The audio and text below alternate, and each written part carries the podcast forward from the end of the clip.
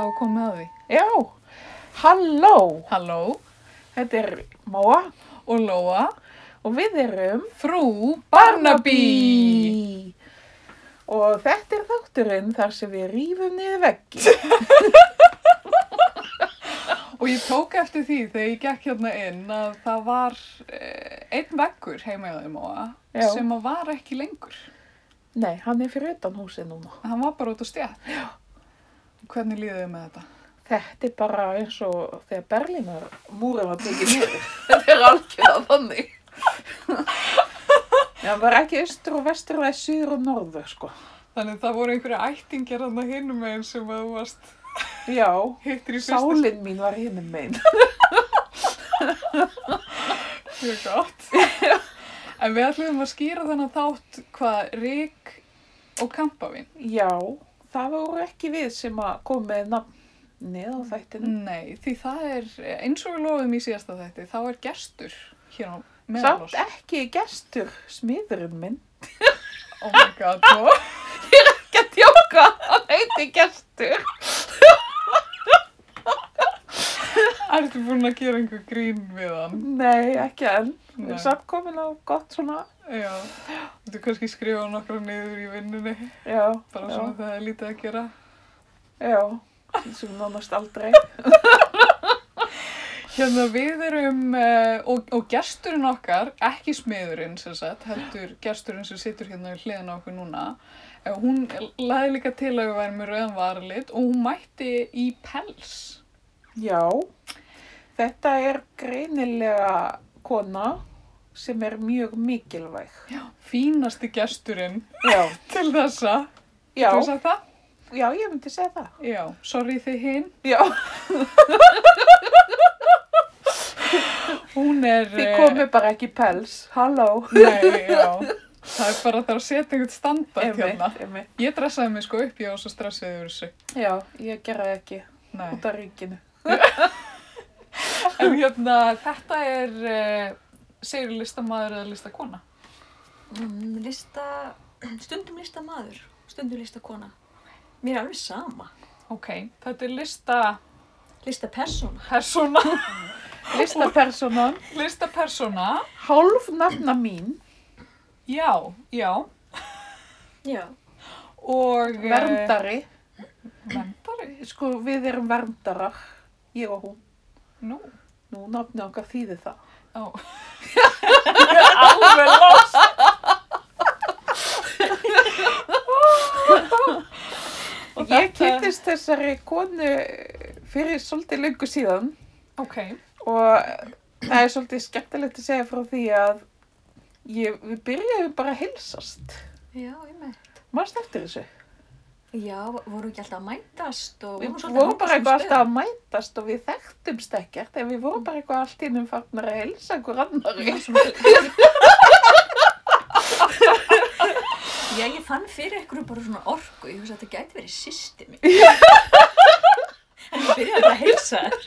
Heru, það, ég man sko mjög vel eftir og sagði mér að þú hefði byrjað að hilsa mér að því ég var með svona svona koksínellu á jakkanum mínum og þú hefði sagt bara já, þetta er svo flott koksínella eða sem sagt Maríubjalla Alveg rétt. og þá var ég bara eitthvað, já ok þessi er cool.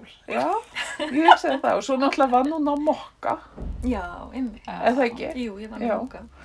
allir snillingar hafa einhvern tíman verið á mokka Nefna ég.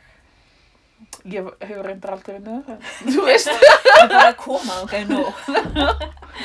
En hún, Þannig að- hún hefur líka unna á öðrum stöðum heldur hún á mokka. Hún hefur uh, verið formaður sín, já, uh, fórstuðu kona gerðarsaps, fórstuðu kona sinna einn listaverka, já aðtapna kona úr íslensku atvinnulífi.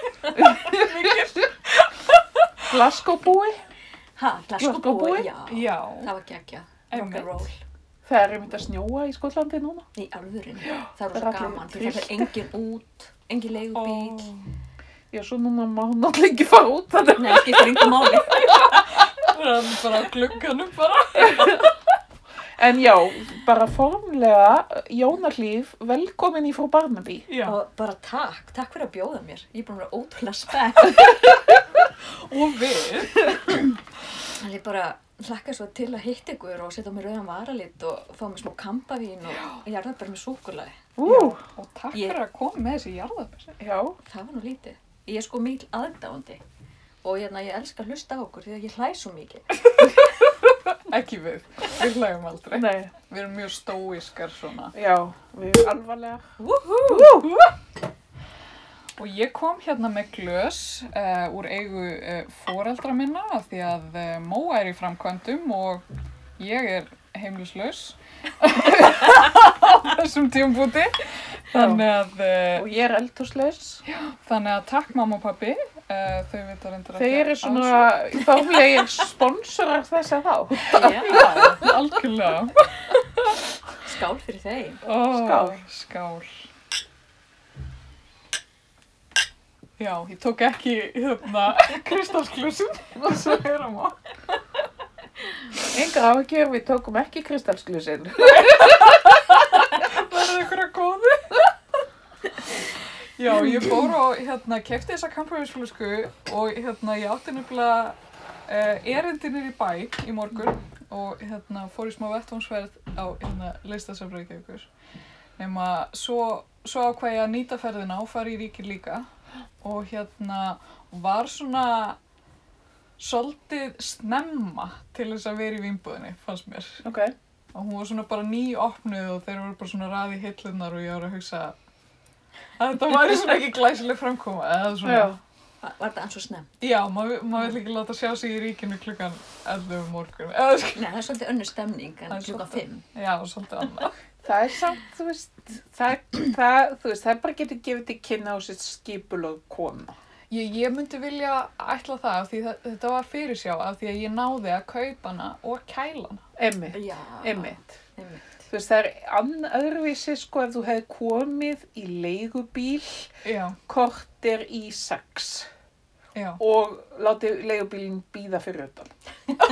þú veist, það hefur verið svona, ok, Já. þessi svona, þetta er þessi típa. talar af reynslum og Nei, ég hef satt séð þessa típu, ég hef verið séð þessa típu. Erum við pers? getur verið Það gæti verið, þetta eru samt íðilega kallmenn, það verður bara að segja Já. þessu er. kallmenn í pelsum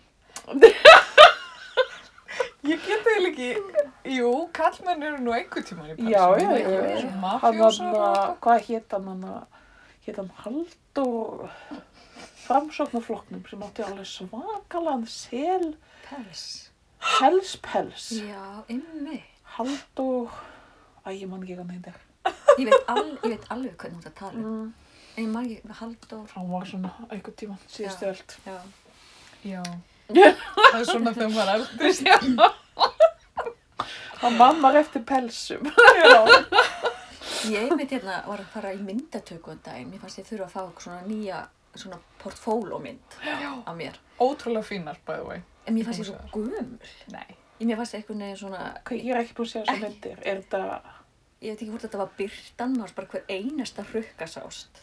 Svo ok. var ég svona meira bara, því ég stundum kallaði mig Jóna Gold Emmi. og vinur minn sagði að þú er bara að breyta nafninu í Jón Old.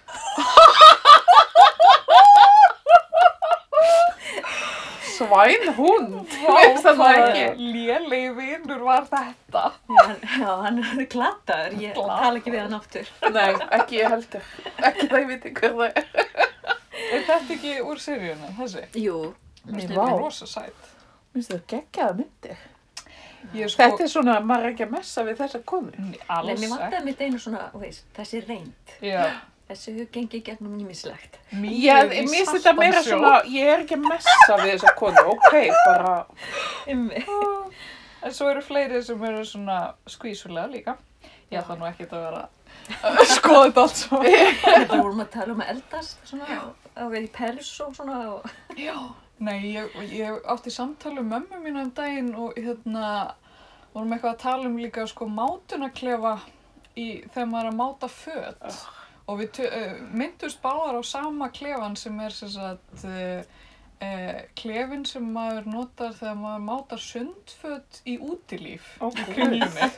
Það er bara eins og þessi lýsing sé að reyna að myrða mann og myrða allt sjálfsálit. Já, sem, Ó, já, já, ég hef farið í þennan mátunarklefa. já. Einmitt, það Ég, er, ég, ég hef, ég þurfti að, einmitt, dóttir mín var að máta sundból hann. Þetta er bara átakanlegt. Átakanlegt. við ættum kannski að fara og skipta um peru. Já, ég held að það mætti alveg vera aðeins Svona svona mikla ljós. mildar. Þú veist bara eitthvað, bara ó guð, er, er þetta það maður? Jú. Það er bara alveg rétt. En eh, þú veist, af hverju er þetta svona hakkalegt ljós? Ég veit það ekki. Ég held að enginn sé að pæla í þessu. Það lítur Nei. bara að vera svarið. En þau hugsa En eins og bara, bara ljósið, eins og sjáðu ljósið í H&M í kringlunni. Mm. Ég get sko ekki komið nálagt til búðum að ég sé með solglera. Ég bara, ég fæ svona, Ábyrgt í augun. ég fæ mingrennikast. Ok. Þetta er alveg þannig byrta, sko. Ég veit ekki hvort ég hef komið þannig inn. Bara yfir höfuð. já, mér finnst eftir að vera til fleiri búðum sem er bara verið að dimmt. Þú veist, Já. bara svona- bara nánast myrkur.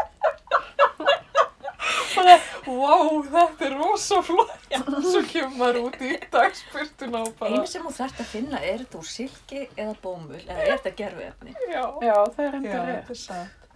Það þarf kannski að reyna þess meira á önnur skilningavitt Já. í Ég- svona búðum. Það var einbúður lögvinnur sem hétt Kvark, Kvarktýra, nei. Kvartýra. Já, Já. hún var með rosa gula byrtu Ah. sem mjög svona, maður var svolítið eins og maður væri svolítið þunnur og svona pingu Ok. okay. óglant. Mm. Því að svo gul byrtan kallaði svolítið fram græna, Ah. Já, ok. græna leitinu. Emmett. Ég Svona vil ekki fara þangað. Það var mjög kúl, Nei, ok. þangað til þú fórst að horfa á sjálfa því spil. Já. Ok. Ég mitt málaði lofti í baðherbygginu græn. Ok. Það kallar fram svolítið svona gula byrtu. Ok. Þetta sko. Býtu er svo skrítið allt saman. hérna rétt já. Já, Ok. Ég nefnilega sko fór svona framkvæmdir eins og því nefnum ég slefti baðherbygginu, ég Ok. okay. það eftir, Ok. sem er alltaf slæmt, því ég er búin að búa þannig í sex ár og ekkert hefur gerst. Aha. En ég var alveg bara, ég verði að gera eitthvað, svo ég meika það, en ég málaði loftið grænt, svona dökkgrænt. En já, svona er það, Já. litir. Mamma og pappi sko þegar þau keftu sín, eh, sitt hús sem að þau nýlega gerðu eh, þá einmitt ákveði að geima baðherbyggin aðeins Já, og þau einmitt máliðu sko eh, allavega loftið á einu þeirra svona turkisblátt. Já. mm. Það var rosalega fallegt. Já, Kannski ég var ekki myndið að prófa spá í það hvort ég ætti að mála lofti á barbygginu. Já. Ég held að það En var sko, það er svona, það er svona reynáferð. Oh, Ah. ég hata Þá myndi hreina. ég mála svona í rauð og appi svona gul.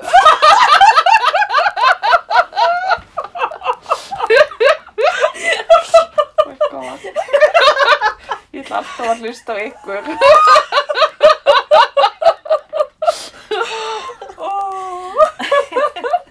Men þú ert nú svolítið safnaleg í dag. Já, ég með. Já, þú ert svolítið í þessari power, hérna, uh, át, uh, þessu power outfiti, svona Steve Jobs. Ég, ég var að gefa, gera útgáfu samning, ég var skrifundir Já. útgáfu, hérna, ég ætla að fara að gefa út bók, þannig að maður þarf bara svolítið glæðast eftir vindi. Já, til hamingju með það. Já, ég sá það. takk.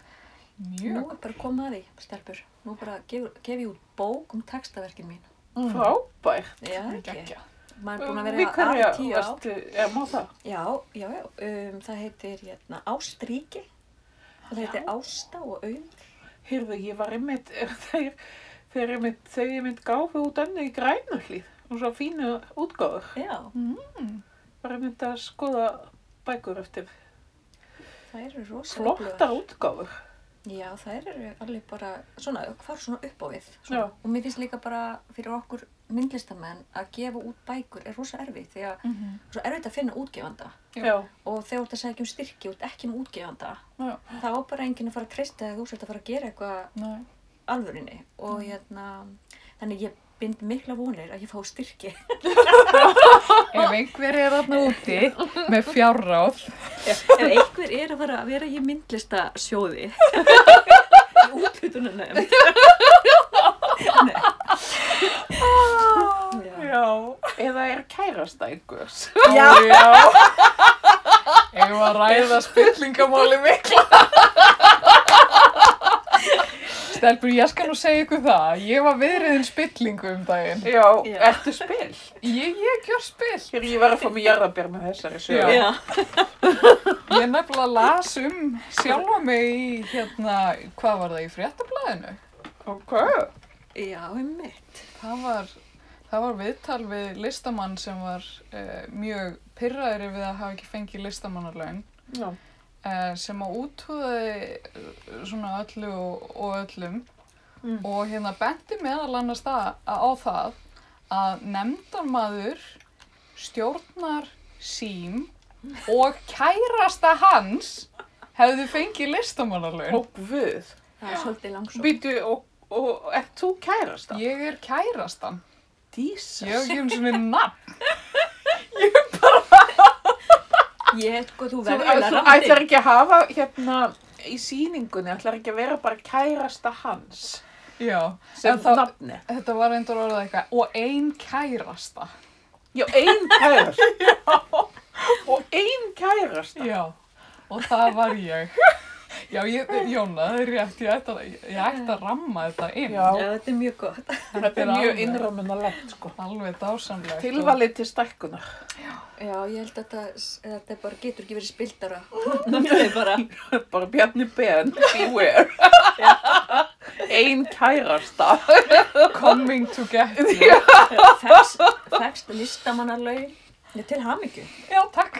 Ég er rosalega glöð að sjá því á þessum lista og ég var mjög ánægð með þessu útlötu. Guð hvað ég var líka ánað að sjá mig á þessum lista. Þú voru þetta, hvað fegstu marga mánu? Ég fekk sex mánuði. Svo spilt. Ég sé lofa að ég er að sofa hjá einum nefndarmann hérna einhver staðar. Það sem ég, mér langar að segja um málið er að, að hérna, ef ég hefði vitað að þetta væri mér til framdráttar, þá væri ég búin að skamman starkar svolítið yfir þessu að því ég er bara að fá listamannlaun fyrst núna.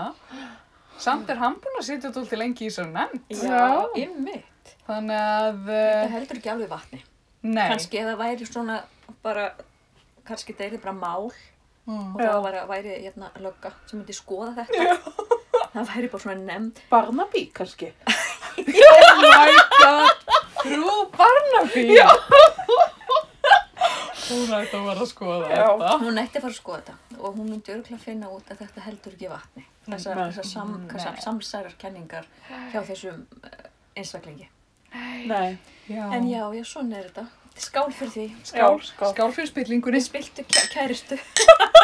Ein, fyrir einni Fyrir einni kærasta. kæristu. Ó, ég ætla að fá mér eitt svona jarðabær. Já, það var mjög gott. Þetta er alveg geggju jarðabér. Svo gott sko með kampavín. Er það ekki?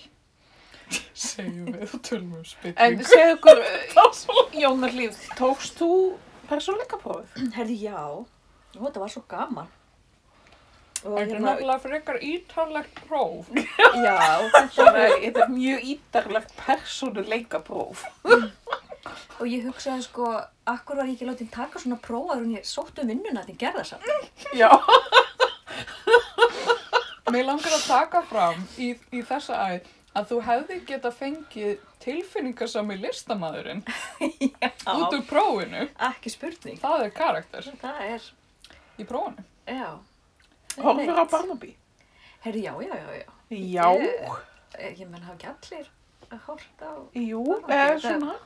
Mér sko- frá- frekið. Já, ok. Ég meina, mér finnst það frábæri þættir. Þannig já, ég er mikil tilfinning að vera.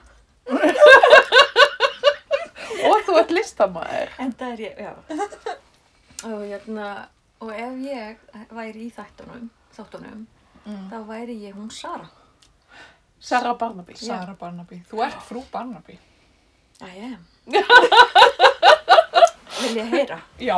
Þú Koma. lifir lífi þínu á ástriðu fullan hátt Mm. og hefur gaman af að takast á við stór verkefni. Ok, það stendst. Stans.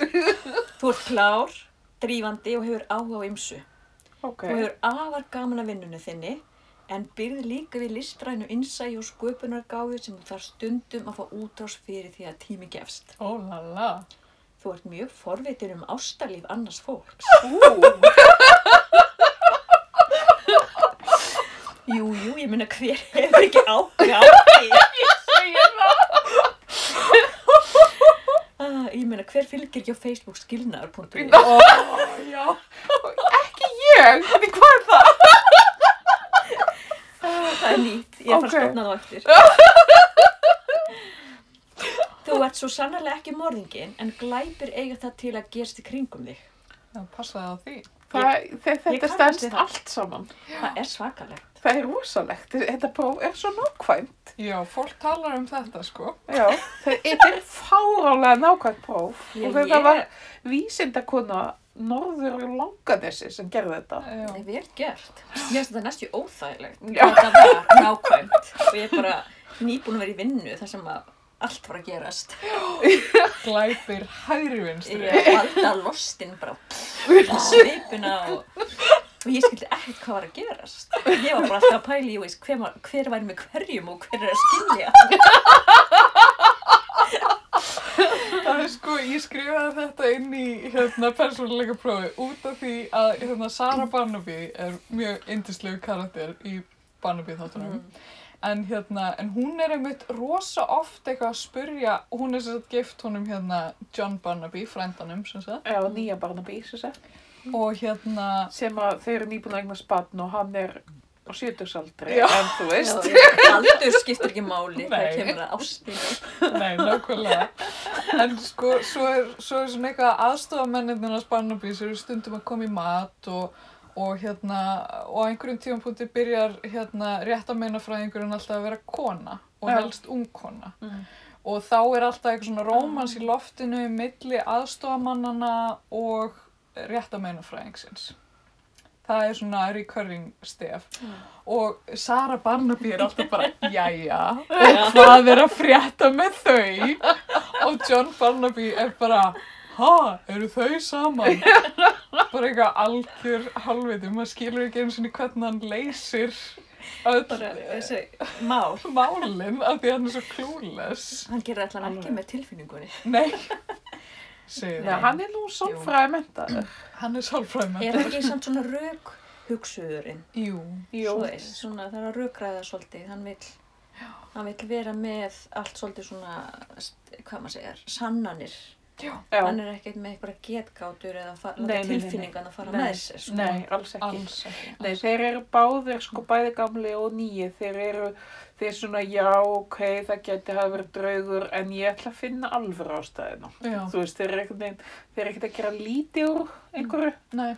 en þeir svona komast af Já. svona pragmatistar. Mm Ég er mitt gift einum sem er svona rauk hugsuður.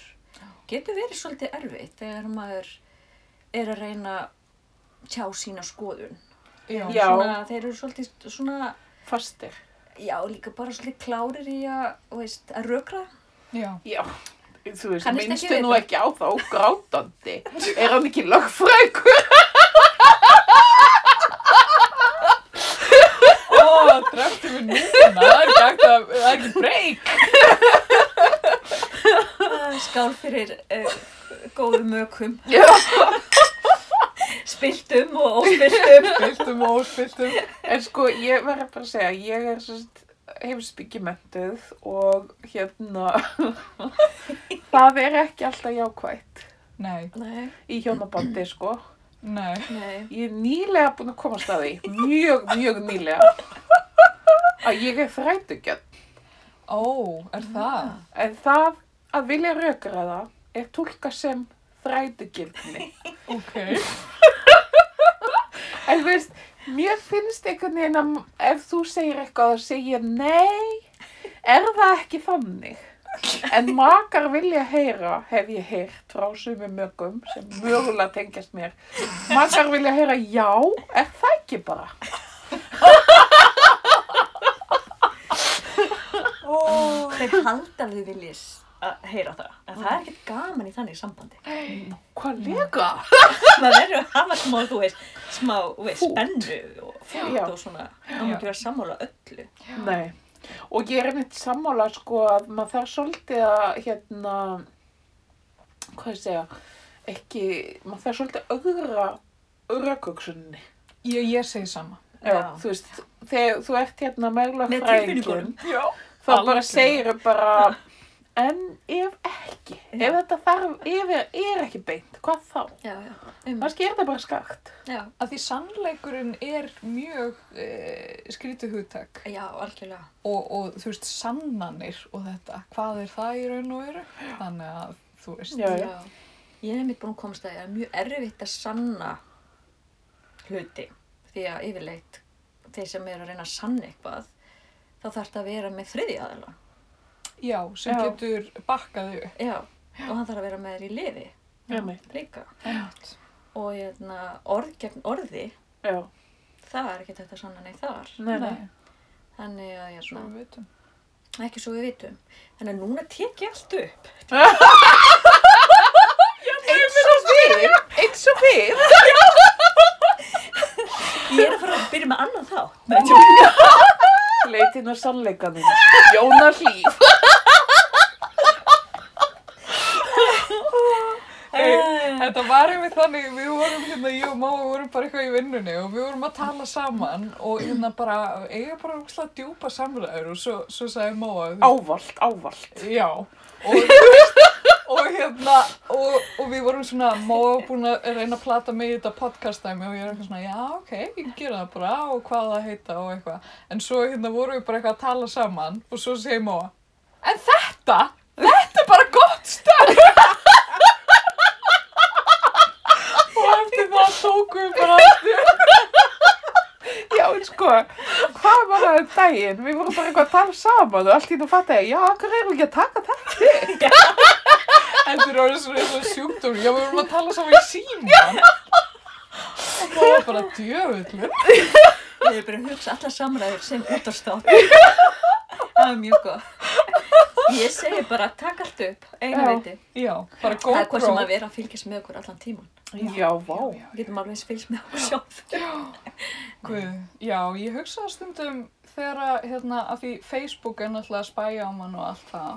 Já. Stundum finnst mér, þú veist, þegar ég fæ einhverja svona auglýsingar inn á Facebook sem að eiga bara ekkert við mig, þá hugsa ég bara, get ég ekki spæja betur á mig? Já. Skilur, Já, já, já, já. Veist ekki að ég er í sambandi? Eða, þú veist, eða, Veist ekki, ég er löngu búin að fá mér inni, sko. Já. Láttu mig vera. það er línja lán. Ég, ég segi alltaf bara, þú veist, hérna, mér vantar kannski mottu og þá tala ég bara við síman, motta, motta, motta. Svona fimm sinnum, svona matrata í síman. Þá bara kemur Facebook með alls konar mottur. Ok. Mæli með þessu. Ok. Já, einna, þetta minnir mig á annað umræfni að, sem sagt, Twin Peaks. Já. Þú ert, þú ert algjörlega að gefa mér svona Twin Peaks vibe sem sko, hvað heitir hann eftir gaurinn? Cooper. Cooper og, og með Diane, sko. Já, já. Þú geti núna á öskudaginn, þú geti verið Cooper Já, ég og bara veit. tala við símaninn. Motta. bara mo- motta M-O-T-T-A motta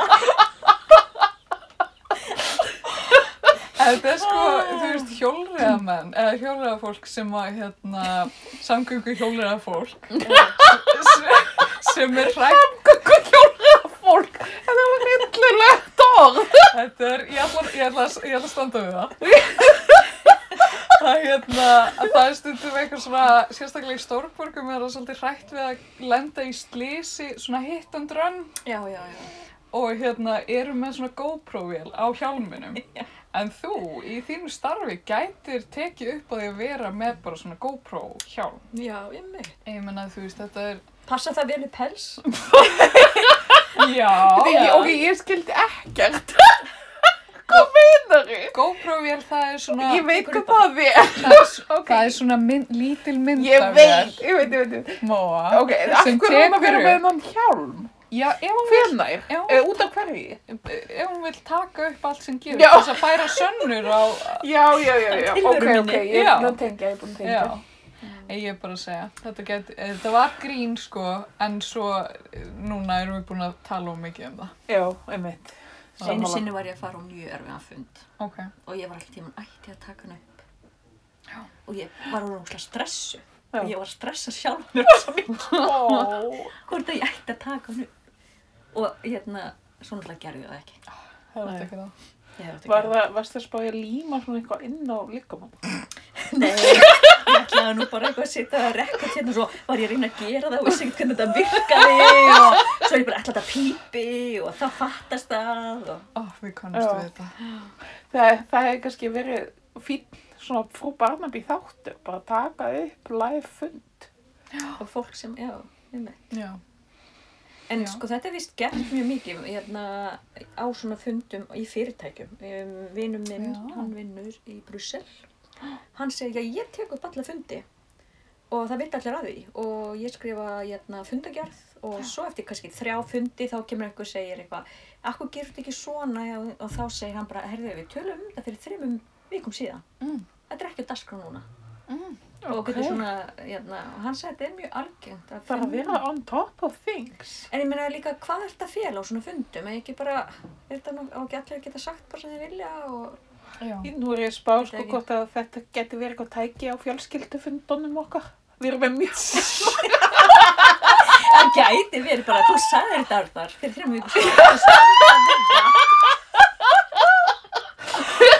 Oh þú sagðist alltaf að setja í vélina einu sinni í viku. Oh my god, hafið ekki lengt í því að muna svo ljóslifandi eftir því að partnerinn er búinn að segja eitthvað við ykkur og svo kannast hann ekki við það einhvern tíma setna. Bara, Bara, story of my life. guð mig góður samskipti stundum. Það verður erfitt. Samskipti náttúrulega, þetta er lífsinsverkefni sko. Mm. Já. Þetta er algjörlega lífsinsverkefni. Já. Sko, búvar, heimsbyggi búvar snýst um þetta, Mm, samskipti. Já. Hún er einmitt fætt saman dag og dóttir þín. einmitt. Og það er sem sagt,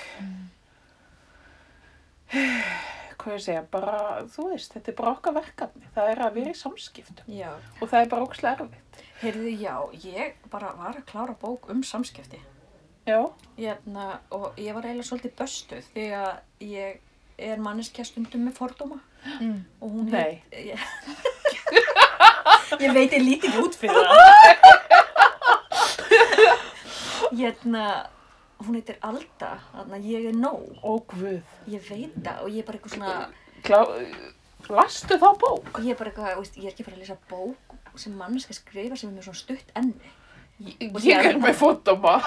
Einmitt, ég var líka með fordóma, Já. en svo bara hugsaði ég að ég er með stórt hanni, þú veist, hún er með lítið hanni, kannski er þetta bara allt í lagi. Já. Svo fór ég í bókabúðina og þetta var eitthvað messelda bókin eða eitthvað í öðru sæti og ég byrjaði aðeins að skoða. Svo gat ég ekki hægt að lesa, þannig ég keipt hana og Okay. ég kom heim og Hjálma bara, keiftur þessa bók? og þannig er hún að tala um alls konar samskipti og maður sem þetta eitthvað svo geggja það sem hún var að segja, hérna, þú veist, alls það sem er vald eru eitru samskipti. Já, Og svo er hún að tala um sko, þú veist, samskiptið með ég og móti þér er bara glötu samskipti. Þá verður frekar ég og þú ætlum að leysa hvernig við ætlum að borða þessi jarðabyrja. Ok. Ó. Já. Þú veist, við ætlum ekki að vera ég á því jarðabyrja, þú átt á því jarðabyrja. já, ok. Og svo er hún að tala um svona persónuleika, þú veist, tilfinningaveran og raukhugsurinn og fyririldið og, og við getum verið kannski tvent, þú veist, eins og ég held að ég sé sko uppfinningamæður og tilfinningavera. Ok. Og svo var að vera að tala um svona sem góðu stjórnandi að þá áttar þú þig á hvað fólki í kringum þig, hvað persónuleikar þau eru. Því allir hafa kosti og þá getur þú læri hvernig típur þú ert að vinna með, þá getur fengið að besta Já. og þú getur líka sett, og fra- fram, og tekið að besta frá þeim og líka einhvern veginn sett sig í þeirra spór. Ég veit ekki, mér varst bara fullt að rosa gott og svo er hún að tala um öndun þú veist, og finna sem sagt hérna, sinn lífstil, það þurfu ekki allir að vakna sex og mótnan og hlaupa í vörðklass. Oh my god. Sumi vilja bara kannski, þú veist, fara á kaffihús, like me, og hérna, einstakar sinnum í jóka eða, Já. og maður stert eitthvað og ég hugsa bara, vá, ef ég verið tvítu og fengi að lesa svona bók, þá hefði ég átt aðeins örfisi áratug, mellið tvítugt og þrítugt. Heldur það? Já, ég held að ég hefði farið sjaldnar í vörklass. Ég kefti sjaldnar kort, meinar ég. Átt fleiri peninga. Ég hefði vaknað á hverju morgun og sagt, ég er nóg. Ja, Já, mynd afsakið því að sökja um að jarðaberi. Já, en hérna, ég verða bara, ég þetta hattir minn, mér fannst það bara þrjusu góð bók og ég var svona að nota hann í kennslu fyrir listaháskóla. Ok. Frábært. Já, þetta er svolítið svona það sem við töluðum um í, í það sem varða óvart þáttur um giftingar og batnauppeldi. Þannig að við okkur um daginn móa. Og við vorum svolítið að tala um þetta, eh, þú veist, með batnauppeldi og þú veist, hvernig, hvernig konum er alltaf kent, sérstaklega konum, alltaf kent að, að þær eru ekki nógu eitthvað. Já, eða, einmitt. Þú veist, eru ekki að gera nógu mikið svona. Eða Einmitt. eru ekki að fara nógu mikið í world class. og Ef ekki bara nógu eru mikið- Mm, ekki nógu fallegar, ekki nógu mjóar, ekki nógu Nei. mikið að vinna, ekki nógu mikið heima, Já, ekki nógu Já. Mm. mikið að þrýfa já, og ekki nógu mikið að ekki þrýfa. Mhm. Já, eitthvað. já, nákvæmlega. þetta er óþúlandi. Já. En og ég var einmitt á sýningu í dag sem að heitir afsakið Mm. eða eitthvað svo leys. Já. Og var samt ekki vísun í Bjarnar Ben, en var samt á sama stað og hann þarna. Hann hefði nú mátt segja kannski afsakið. Já, hann sagði bara eitthvað sorry eða eitthvað. Hann sagði ekkert sorry. Nei, hann sagði Hann fyrirgefðu. sagði bara, ég er ekki dýravörður. Já, sko, konur þurfa að vera meira eins og Bjarni Ben, en samt ekki. Já, ég á svolítið erfitt með þetta út af því að þú veist, mér finnst það að eitt- eiga að vera jafnrétti til þess að vera Já, óleika. bara asshole, þú veist, Já. í alvegni. Út af því að konur sem eru slæmar fá, fá alltaf svo miklu meiri útreið heldur en kallar sem eru svona eins og... einmitt Já, Bjarni Ben. algjörlega. Já, einmitt. Já, ég minna, við getum ímynda okkur ef að dómsmálar á þeirra sem er ung kona Já. hefði verið þannig ásmundasal. Hún hefði sagt af sér, sko. Það hefði verið sko svo miklu meira bara eitthvað helviti stjöfusins, Já, ljótt orð, ljótt orð, ljótt orð. Mm. Já, En þú veist, hann er bara svona gaur já, sem liftir, einmitt. þú veist, 200 kíló eitthvað, í, pressa eitthvað, í baka bakk kökur. og eitthvað svona. Hann Já, er baka miklu klöð. það sem að baka kökur. gefur mér Þá er það. það bara allt í lagi. Þá bara, já, já, ok, þá. Og við erum strax búin að glemma þessu. Já, en Mm. mér fannst það meint svo gott í þessa sýningu að það var þetta fyrirgjafðu Já, var svolítið mikið svona fyrirgjafðu að ég vaska ekki upp eða eitthvað fyrirgjafðu ég, ég sé hérna mm. Mm. og ég nefnilega kannski að því ég ólst upp ég veit það ekki á meilandinu en ég segi rosalega mikið fyrirgjafðu já, einmitt. bara þú veist stundum alveg á fimm minna fresti Já, ég á til að segja þetta líka og ég held að ég sko takja svolítið frá mömmu og ömmu minni. Mm. Svona einhvern veginn í sveitinni og mamma var alveg bara að koma með þrjár, fjóra sortir og var samt fyrirgjafu, þetta er einu sem ég er með. Mm. Og einhvern veginn svona, já, einhvern veginn var mér matabóð og bara fyrirgjafu, ég, ég ætla að vera með tvírétta. Og veist einhvern veginn svona, Já, Mm. ég tengi þetta við mat einhvern veginn allavega. Já, einmitt. en En líka maður á sko ekki að pláss, segja fyrirgefðu. ma- maður tengir þetta svolítið við pláss bara æ fyrirgjafðu Já, ég ætla ekki að vera fyrir Mm. hérna og en ég er að spá sko, nú hefur þú reynslaði að vera kona í stjórnastöðu mm. konur í stjórnastöðu Fyrirgefðu. já allt til að ég skal reyna konur í stjórnastöðu hafa einmitt bæði sko þetta rep á sér að það séu bara rókafullar bara í raunni fyrir að vera í stjórnastöðu Mm. en svo eru þær líka oft bara ógeðslega erfiðar sumar já, já, einmitt. En þær verða mega það, náttúrulega, líka. já Já, Konur mega alveg vera erfiðar eins og kallar. Já, en sko Skilurðu? það sé ég á við er að stundum, mér finnst þess að kallar séu stundum svona, þeir eigi svo auðvelt með að nýta sér, segja bara já, djöðlastu flottur, hann að mistari maður, snillingur og þú veist, að fá alla í lið með sér, veit ég hvað ég á við, já, að, aðra kalla Já. já. og þeir kannski líta, eru, að, ég veit það ekki, ég veit ekkert hvert ég er að fara með. Nei, en þetta er, þetta er bara svona Ég held- kerfisbundið vandamál þar sem að, þú veist, það sem við hugsum um vald uh, er mjög kallagt. Mm. Já, Og okkur er kent bara, þú veist, þó að það sé engin kennari við stjórnvölinn, þá, þá er okkur alltaf kent að, að taka, þú veist, meira mark á því sem kallar segja. Og það er rosalega skemmtileg bók sem ég las einu sinni, þannig að Women and Power Mm. Marie, Mary Beard já, sem að fer svolítið yfir þetta þú veist hvernig hvernig valdastruktúrun er einhvern veginn og hvernig við bara e- erum svo ótrúlega að býja sér að já, já, já. þú Hún, veist. hún var einmitt að tala um núna bara um daginn, sko, hvernig, hvernig gamlar konur eru svona bara gerðar af yngu Nei, nákvæmlega. í samfélaginu. Bara Já. einnig missa bara Gildi sitt fullkomna. gildi sitt sem bara manneskjur Það er hæðilegt. Einmitt. Nákvæmlega. og já, Já. það er svolítið áhugavert. Ég held sko með, hérna, ég var mitt líka að lesa bókun daginn sem heitir Valdið sem Mm. fjallar um eitthvað svona konur sem fá bara eitthvað geggja mikið vald og þau geta bara drepið með augunum Já. og bara gefið raflöst. Já, power. power, Þetta já. er búið að þýða hann. Já, Já. Ok. mér finnst Medusa. það svona, hún var svolítið góð, en ég, svona, ég held einhvern veginn sko með þetta konur og vald, við erum líka svolítið fastar í það, því að við höldum að við þurfum að vera bara ógæsla leðilegar. En ég held að sé núna aðeins að breytast, því það Já. nennir enginn að vinna, um, ég, veist, það er bara, ég held að það líka er ekki neinn ávinningur að vinna með eh, í stjórnunarstöðu og vera upptekinn af valdinu sem það hefur því þú vilt miklu frekar reyna að vinna með fólkinu, Mhm. reyna að fá það til þess að njóta sín og fá góður hugmyndir. Allan hefði ég ekki áhuga á því Nei, að vera jafna, en kannski var það vandamálið, þú veist. Að- að- að- Að diktera. Eða svona. Já, að vera svona bara, hér ræð ég og ég er hérna safnstjóri og ég er svo sem tala alltaf við fjölmiðla Mhm. og ég verð skráð fyrir öllum sýningum og það gerir engin neitt nema ég ætla ekki að treysta neinu og það er alveg til þannig Já. valda Já, já, já. Já. já. en ég held að það er gamaldags og leiðir ekki til neins og ég held að ungt fólk sem er að koma inn í vinnumarkaðin það nennir ekki að taka þátt í svona búlséti Nei. Nei, en eins og, ég veit ekki hvort þú sást um daginn, það var svona fréttablaðið. Oh my god. Konur í atvinnulífinu. já, Og þetta voru bara konur, eins og þú- við vorum að tala um, konur í jökkum.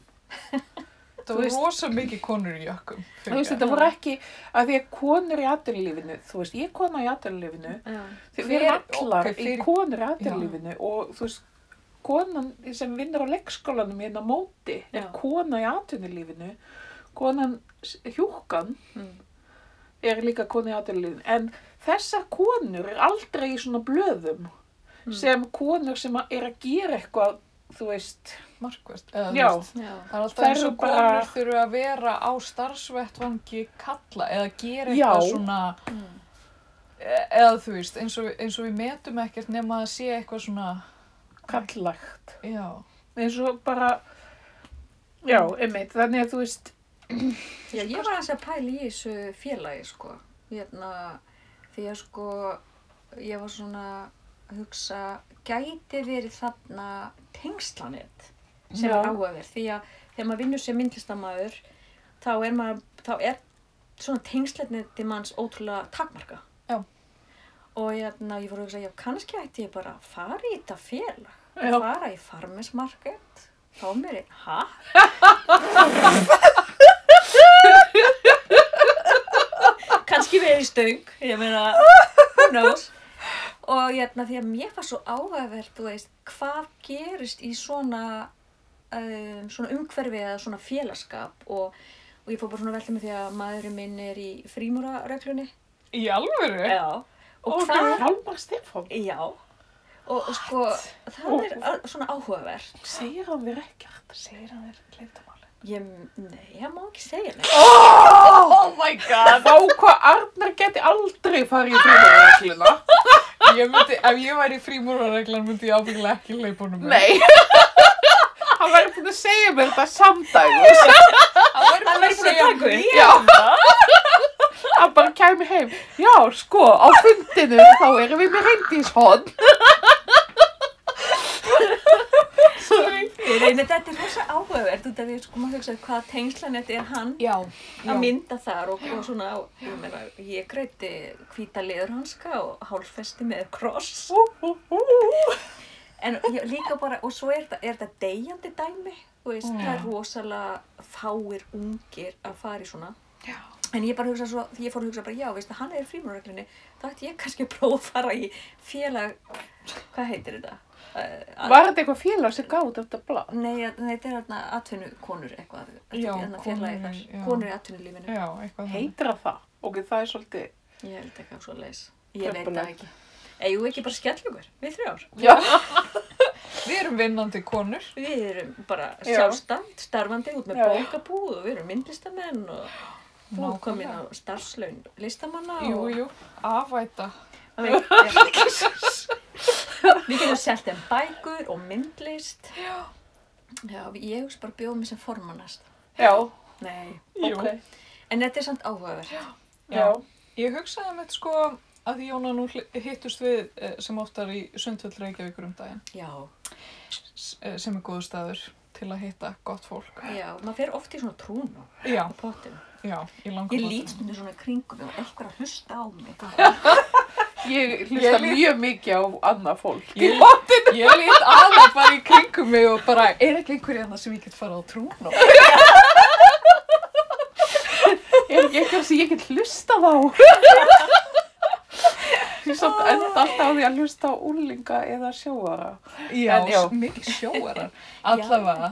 En, hérna, en þá sem sagt eftir, eftir að við spjallum þannig að drikla okkur stund saman þá hugsaði ég, já það ætti nú, við, við ættum nú eiginlega bara að stopna svona, svona klúb, eitthvað svona skvísur, sjálfstætt starfandi sem hittast í sundhöllinni.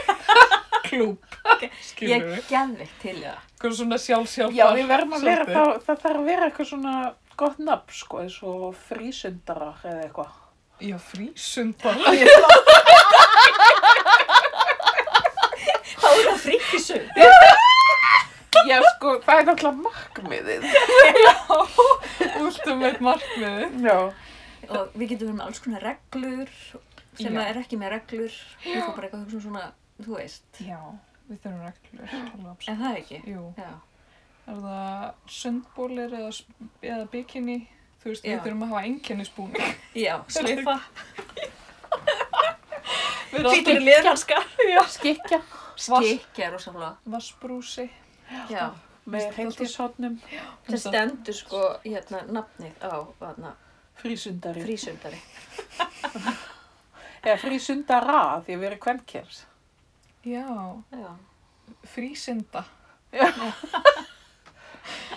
Já, þetta er, þetta Já. er verk í vinslu, Já, allavega. En, en svo í, í áframhaldinu þá, hérna, þá hugsa ég frekar að bara bjóða í frú Barnaby til að byrja með. sjá, sjá hvert þetta myndi leiða. En Já. hérna, Einmitt, Já. kannski það er bara nóg. ég hitt ykkur samt ótrúlega oft í sundi.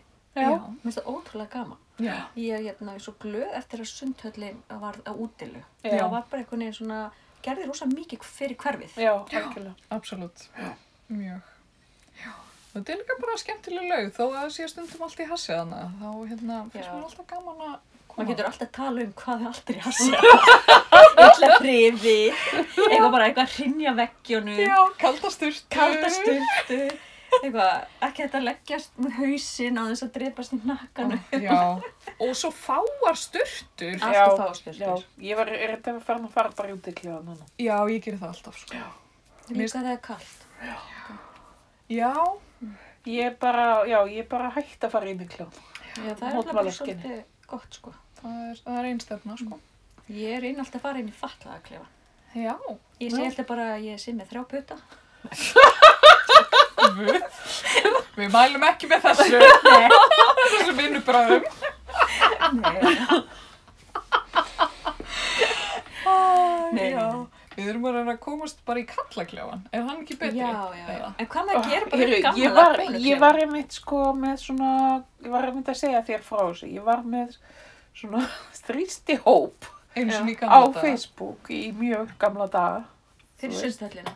Já, um að hérna þá var sundhöllin reynda bara innilaug Já. en sko um að þá var kvennaklefin búin að vera í kjallaranum í 70 ár eða eitthvað, ég veit það ekki Mm.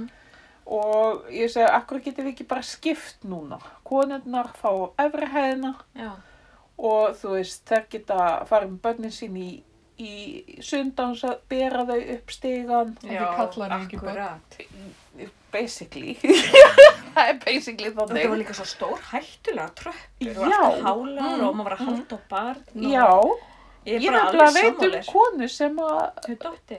já, og skadaðist, Nei, fekk heilarskaða. það er svakalegt. Já.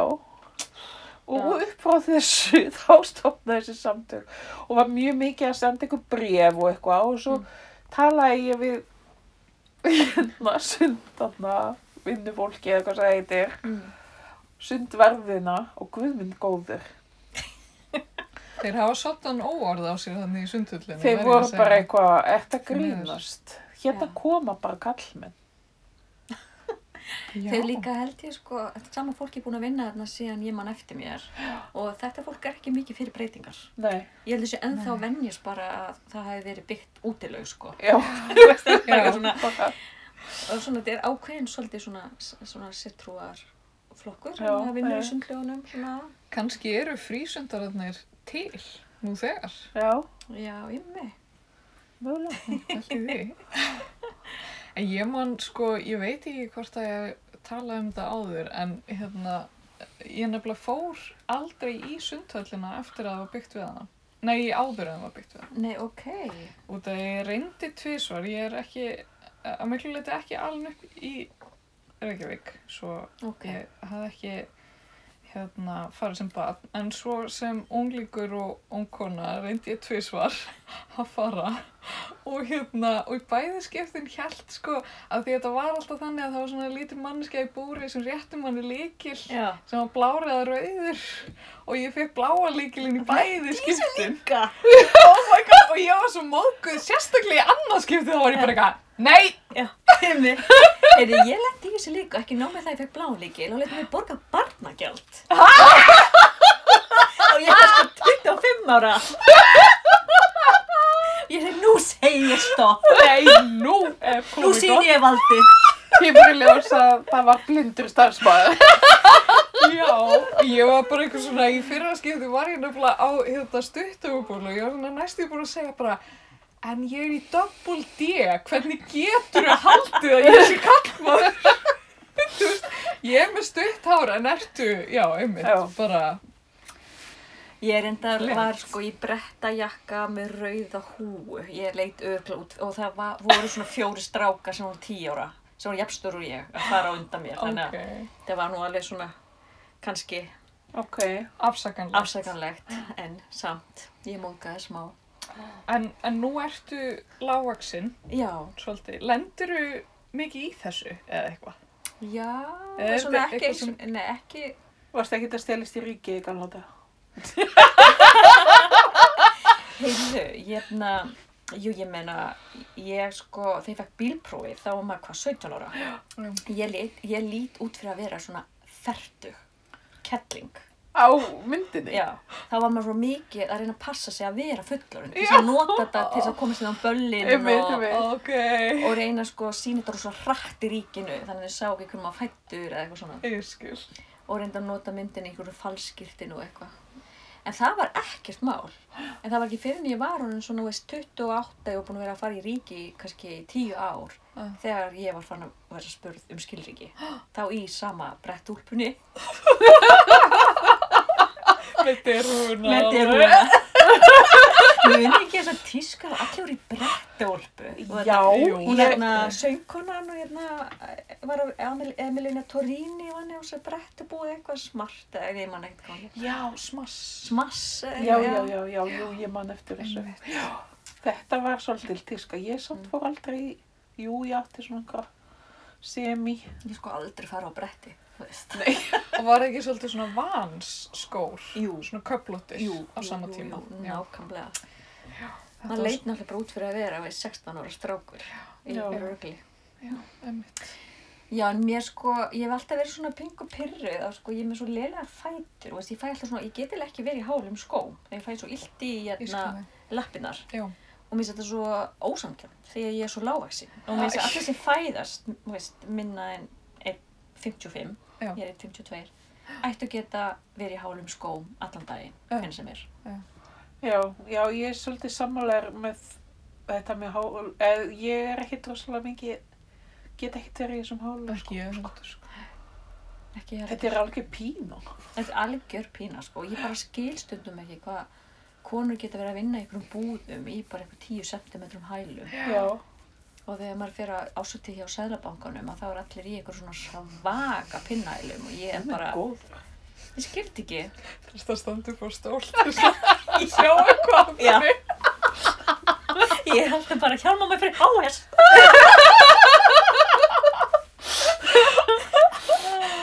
Já. Ég man sko einu sinni, þarna- nei ég er mjög svolítið góða sögu, ég er náttúrulega þegar ég var Já. formaður sín og þá var ég svolítið mikið í blöðunum og sjónvarpun að rífa kjáft og Já. eitthvað, bargi mín hlusta á mönnum Já, og bara takk fyrir Hvernig það. væri það? Innilega. Já, hvernig væri það? Síðan er ég finnum hérna, á hérna einhver opnun og þar kemur kona sem heitir Óluf Breiðfjörð sem er núna menningarfulltrúi Garðabæ og ég þekkti hann ekki neitt Nei. og, hún, la- og ég var eitthvað að býja til bátnum, þetta var eftir hérna opnun Íslenska skálans og Mm. Hverju, hvað var það? þá er mér minnið það hefði verið, Hver var var það sem? það ekki bara eigill á þeim tíma? Ok. Sæ- Sæbjörns, ég held að það hafi verið það partí lappar hann upp og mér bara eitthvað Ertu svona lítill? En þú ert með svo stóra rödd Það Það er var nú bara búin að sjá bara í sjónvarpinu mikið hós. Já, já, já Já, Það finnst mér. Já. já, já, já, algjörlega. Ég mjást það bara svolítið svona bara já, gaman að kynast þér líka. Bara, Hvað heitir þú? Fólk leifir sér nú svolítið. Ha? Já. En það er okkur að fyndi maður hefur svo alveg lett í þessu sjálfur. Við erum að horfa á sjónvarpið og maður bara eitthvað, já, þetta er okkur svona hávaksin maður. Já. Svo sér maður í bónus í rauðinni og maður bara, veist, er þetta hann? Þú veist, really? Er hann bara 1.60? Já. Um, Ég, ég er mjög svona skekta sín á, þú veist, ég, mér finnst til dæmis, eða, þegar ég kynntist Arnari, þá fannst mér hann vera mjög hávaksinn. Ég bara, ég líst honum fyrir bestu vinkonu minni, henni tinnu, ég segi bara já, hann er mjög hávaksinn, dagfarður, með krulla hár, þú veist, bara dröymaprins, halló. kannast við það. og hérna, og hún bara, já, vá, og eitthvað, og svo, svo segir hún eitt tíma við mig, já, hann er nú ekkert mikið hærri en kærasti minn. Ég tala ekki við hann í viku. Eftir það, ég var bara, Bara hvað móguð." er að henni? Svo kom ég ljós að þeir voru jafn háir. Oh my god. Já, svona getur ástinn bara brengla mann, sko, svolítið. Já, En er, þú veist, eh, nú pæli ég þessu út frá því sem við vorum að tala um aðan, þú veist, þetta valdadæmi og kallmennskan og þetta, Já. þú veist, á, þarf maður að vera stór til að vera merkilegur? Nei, ég meina, við sjáum Napoleon. Já, hann er náttúrulega ekki stór. bara Nei. Elizabeth er Queen of England. Nákvæmlega. Nákvæmlega. Nei, ég held nefnilega alls ekki, sko. Er hún ekki líka frekar lágvaxin hún hérna í Þýskalandi? Jú, merkel. Já, heyrðu, hún var í sömu sumabúðum og mamma. Það er stasi Já, sumabúðum. og mamma er ekki ávaksin. Nei, mamma þinn er við, já, fyrir ekki lítið. Já. og þær, þær hafa ekki kynst. Nei, ekki svo við vitum, kannski, ég veit það ekki. Nei. Hún talaði ekki þýsku, sko, þegar hún fer hann út til Já. Þýskalands.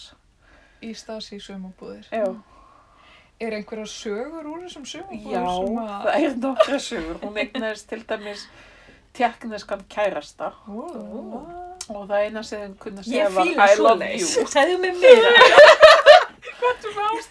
Já, þau kun- kunnu bara segja I love you. Já. Þannig að þau sagðu það bara. En falleg. Þannig að þeir eru hana í stasi sumabúðunum að tala kapitalíska ensku. Næs, mjög gott. Mm. Já, ég man einmitt eftir að hafa verið svona tungumála heftu krakki í alþjóðlegum skóla og hérna, ég var náttúrulega Íslandíku þannig ég var alltaf með ókslega skríti nesti Já.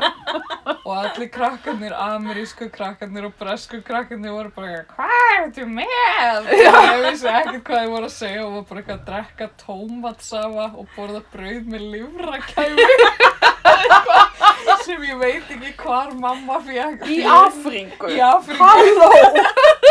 og hérna ég var alltaf bara eitthvað Ó, Við kláða með sér. Svo ég ekki alltaf. Bara, og, já, einmitt, það er eitthvað svona að finna Það sögur. verður svona skrítin lykt líka. Já. Bara, Já, einmitt. hvað ertu eiginlega að borða? Nei, Ég manni mér þegar ég fór, ég fór í svona breskar skóla og þá var ég svolítið að hanga með Asjubúum. ok. Þau voru líka alltaf með rosa skríti nesti og mikið lykt. Já. Og, Mhm. Í, í kaskó eða? e, nei, það var í hérna, Eastbourne.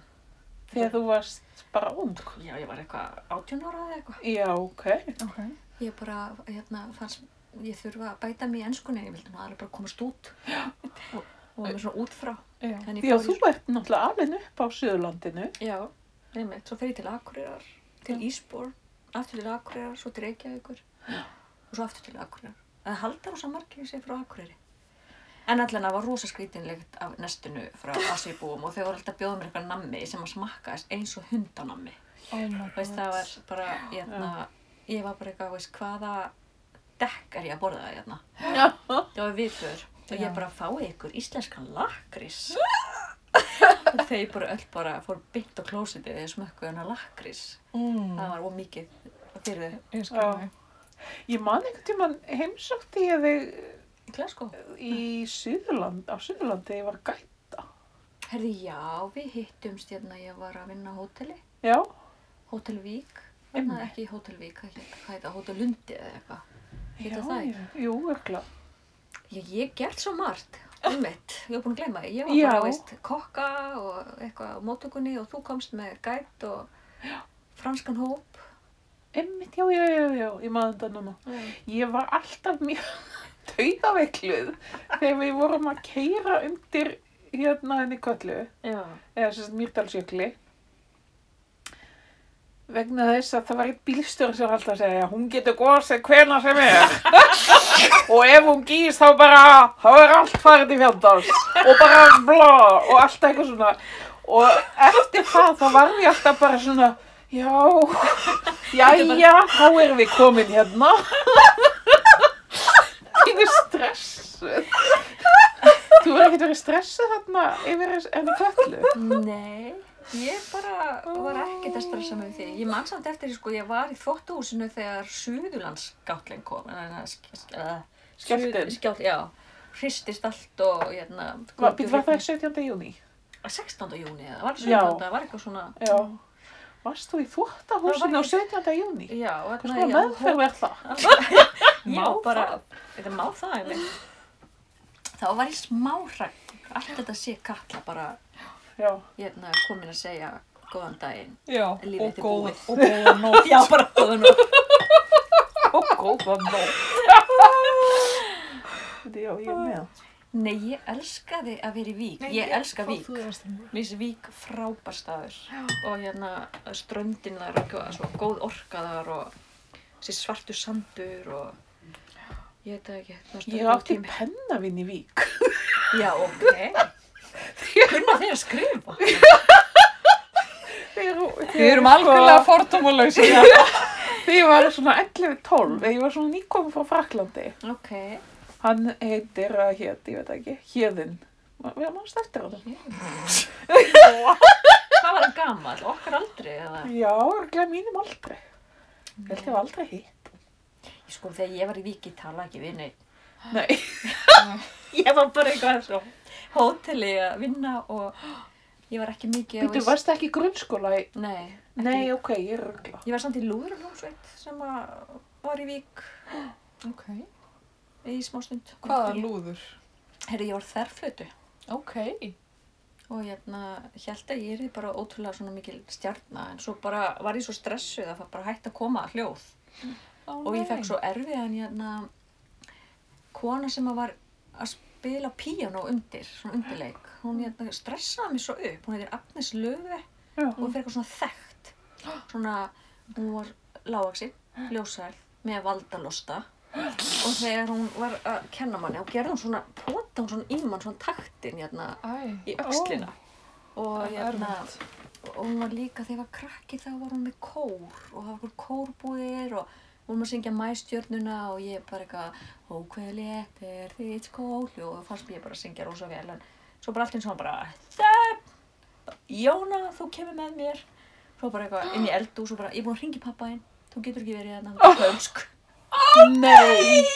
Jú, það var svo sorglegt og ég bara eitthvað og ég na, hef ekki getað sungið síðan þá Ó, Hvers konar ofbeldis manneskja er Já, hún er sér bara þekkt fyrir þetta Ok. þannig að hérna, já Æ, kannski já, hafði já. nú eitthvað til í þessu ég er nú pingu fölsk, en ég meni ég var bara tíu ára eða eitthvað þegar maður er krakki þá má maður það líka bara. Já, algjörlega, það átti bara að vera krakkakór. gaman það átti bara að vera eldingalengur og syngja Já, já. vorið eða eitthvað síðan fór hún að vera sko, já, þegar ég var í þerflutunni þá kemur hún aftur inn í líf mitt Já. þá var ég svo stressuð Ó. já. en kannski, já, svo bara þegar maður stressast upp og þóttum maður í munnunum og þá kemur engin tón Já, já, Já. en já, þerflutuna en þá og já. maður, ég meina, Ó, never know æ, Nei. hvað þetta er sorglega saga. mér finnst hún alltaf svolítið góð sko Þá þagnaði þverflautan. já já það var einmitt svona og það var svo pinlegt fyrir mömmu það var eitthvað sko tónleikar og ég kom ekki sko hljóði upp og bara, það var ekki sagt neitt í leiðinni heim og svo segi ég eitthvað svona já mamma ég held að ég hætti þessu bara já elska mín ég held það bara Ah. Svona er þetta. já. Þannig að ég er ekki rockstjarna. Nei, En- því miður. Það var ekki... Hvernig þið er hljófari? Er þið svona... Já. Ég á svona svipa sorglega sögu um mig og ég læra píanó í nokkur ár, sko. Ok. Svo einhvern veginn í einhverju, Mistur þú puta? misti ég alla pönt? Nei, tók. Nei, en svo sem sett, á einhverjum af þessu tónleikum þá uh, var ég að fara að spila ammælislega fyrir afa Já. Ok. og fekk ég bara svona sviðskrekk. Ó, svo óþægilegt. og hérna og allt í einu ég bara mér fýpaðist eitthvað alveg í byrjun Já, það er verst. og svo spilaði ég bara rugglu kom eitthvað la la la og svo kí kí kí kí kí kí kí kí kí og svo bara stóð ég upp og allir svona svona fórsi Já. klapp Já. og já en ég samt alveg endist í nokkur ári viðbútt en ég já ég Þetta var svona enda, enda Já, Mm. þetta er svo lauk þarna. Já.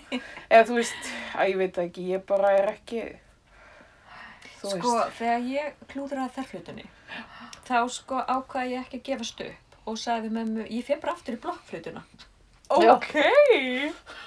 Magna. Sem maður blokkflötu náttúrulega hérna. gerir ekki, þú veist. Já. Já. Herðu. Heyrðu, það það er Og svo, saga sem frá því, já. Já. Segðu okkur. já, ég ætlaði bara að klára þetta. Já. Svo, þú veist, held ég mína seinstu tónleika og, hérna, og ég var svo góð á blokk- hérna, blokkflötu að ég fekk að vera með seinsta lagi sem var yfirleitt Ok. píanó. Ok. og ég lappa fram og það springa allir úr hlátri því það var bara, veist, þú varst ekki vanur því að sjá 12 ára stelpu spila blokkflötu Já. það var ég bara 5-6 ára Já. krakkar. Æ, Já, því maður byrjar á blokkflötu og svo fer maður bara að gera eitthvað já, annað. píjón og Já. þarflöta, gítar og eitthvað svona Em, það er nú ekki minni manneski en Björg Guðmundsdóttir sem að spila á blokkflötu lengi Já. vel. Einmitt. þetta er nefnilega Á svona fyrstu vanmetið hljóðfæri. plötunni sinni, mér að segja. já Já, þetta besta- er vanmetið þetta er besta hljóðfæri. hljóðfæri ég segja, blokkflöta Ekki. En sem sagt, í stelpunnar í Skotlandi, Já. þeim var gert að læra á blokkflötu eitt árið í skólanum sem Ok. sagt. og þe þeirra kóstjóri var líka statisti Já. eins og hann að þinn nema hún var líka narsisisti jésús þannig að það er hræðileg blandið sem sagt, Ísvöld hataði blokkflötuna af því að hún var svo leðileg við þær en svo sem sagt, hélt var hún í kórnum sko og, og þær fóru hann að nokkur sinnum í skrifstofufutunum að að syngja kirkjunni en sko alltaf í miðri dagskráni þá þá var sko fyrst krakkarnir syngja, krakkarnir syngja svo kom kórstjórin með sóló Já. og var að syngja tvö-þrjú lög og það versta var að hún var fullkomlega ramfölsk Oh my god. og allir fóreldrarnir bara eitthvað tilnittir hrættir að hlusta á hana því þeir eru að he- hlusta á bönnin sín. Guð. Greiði kona. Það var Ah, hrikalegt. Þú hefði átt að taka þetta upp. Þeir hún var kona pressins þess, þess vegna fekk hún þetta. Ok. Gig, sko. Ah. Já, hún hefur verið spilt til svo auður. Já, gærasta. Einn kærasta. Hún hefur lesið bókina sem ég gaf út. Spilling og annað eins. Auðurlóa. Já. En Kennir já, þetta konum er hvernig þetta er gert. En svona, hérna, talandi um svona vald, ég, ég hérna, er búin að vera að hugsa mikið um það senstu daga, en kannski bara sensta árið. Ég þú ræðist báði þessu. Ég aðeins spáði þessu. Ég nefnilega sko bæði það þegar ég varð ráðin sem safstjóri, þá fann ég fyrir ákveðnum svona breyttu viðhorfi, hvernig fólk talaði við mig Ok. og svona fólk sem ég þekkti ekki mikið og byrjaði að senda mér skilabóð á Facebook og svona, því það allt innu hafði maður eitthvað sem að fólk sóttist Já. Eftir. eitthvað, eitthvað vald. Aha. Og Mér fannst það rosalega óþægilegt Já. og hérna, og við hugsaðum að já, já, þetta er samt bara eitthvað sem fylgir starfinu og maður verður bara, veist, en ég þurfti alveg svolítið svona að æfa mig bara eins og að fá símtal, það sem var, var bara hringt og sagt, mér langar að sína í gerðasafni og fyrst skiptum það gerðist, þá var ég bara ekki með tilbúið svar, þannig að ég bara eitthvað svona var meðvirk, því maður er svo meðvirkur Já. Já. og hérna, ég svo bara, fokk, ég hefði aftur búin að æfa með þessu Já. og svo kemur það sko, hérna, svo venst maður svo eitthvað svona og síðan kemur hitt þegar maður hættir vinnunni og missir vald Já. Einmitt. Áhugavert. Ég, Takkunar síminn. já, það kemur svona einhver söknur sem er, og þetta er óslega skrítið Já. ekki það að ég, mér langi eitthvað að vera með eitthvað vald Nei. en það er bara einhvern veginn svona því að það er líka gama það er mikið að gera og margir hafa samband og síðan allt innu bara pum Já. Ég er, og, þa- og þess vegna er ég búin að hugsa bara hvað gerir vald fólki Veist, ég held nefnilega að það ger ekki neinum gott Nei. og hvernig fer fólk með það og eins og með bókina hana þarna um valdi þá var einmitt verið að fylgja einhverjum sjö mismundi personum og þau fóru svo mismundi með valdið Þessi eins og svo sem var kannski bara fætt inn í einhverjum svona mafíu þar sem var mikið verið að drepa hún ætla bara að nota valdið til þess að drepa Já. síðan er mannska sem að fæðist inn í pólitíkinni pólitíkina og hún notaði valdi í rauninni grimmara en svo sem gæði drepið því hún var alltaf að nota svona bak við tjöldin Já. Já. og hérna, nota líina og síðan var bara svona mannska sem var bara svo góð Mm. og notaði ekkert þannig séð valdið og aðri notuðu hana kannski, Já, já, já. út af því vissu að hún hafi þetta vald Eða, þú veist, þannig að þetta er rosa, þetta er rosa áhugavert hvað, hvað vald gerir og hvernig fólk notar það Já, ég hef mynd sko heyrt af því að það sé til persónleika röskun mm. sem fólk sem að hefur verið í valdastöðu í, það þarf ekki að vera langur tími en í einhver tíma Mm. fær og að þetta fólk er sjaldan greint af því það fer ekki til sálfræðing og segir, heyrðu, ég er valda áður. Sem fleiri mættu gera, skulum við segja. En til dæmis, þú veist, við erum með dæmi, skilur, þú veist, fólk eins og Trump eða Davíð Oddsson eða þetta fólk sem að hefur haft rosalega mikið vald í einhver tíma og jáfnveg langan tíma eins og Davíð Oddsson, það er mitt, eins og maður sér með hann, hann verðist ekki geta sleft. Tökum. Hann Nei. getur ekki sleft í, þú veist, hann getur ekki bara farið eins og menn af hans aldri sem eru búin að vinna. Nei. fara bara á sín eftirlein og, og fara að veiða eða Það er svo chilla. Nei. tefla eða eitthvað. Þetta Nei. er þetta bara einhvern veginn svona, þessi afneitun og einhvern veginn, þetta Mm. er auðvitað svipað eins og þú ert sjúklega ástfangin. Já, Svo segir hinn bara, er ég skotinni lengur, hann fer. Já. Mm. Mm-hmm. Sá aðli bara getur ekki hægt að hugsa um hann og fær þrá ekki, vill bara, veist, ég veit ekki, ég held að þessi svipað með valdið. Svona, þú getur ekki sleppt því og það tekur einhvern veginn svona tökum á lífiðinu, kannski, Já. ég veit það ekki, eins og hringurinn í, Lord of the Mm. Rings. nákvæmlega. Já, já og það einmitt fjallar þessi, um vald. nákvæmlega Já. þessi persónleikar sko, Nákvæmlega. fjallar um það að þessi fólk verður bara geðvikt. Ég meina, ég mæti ennþá nýr gerðarsan.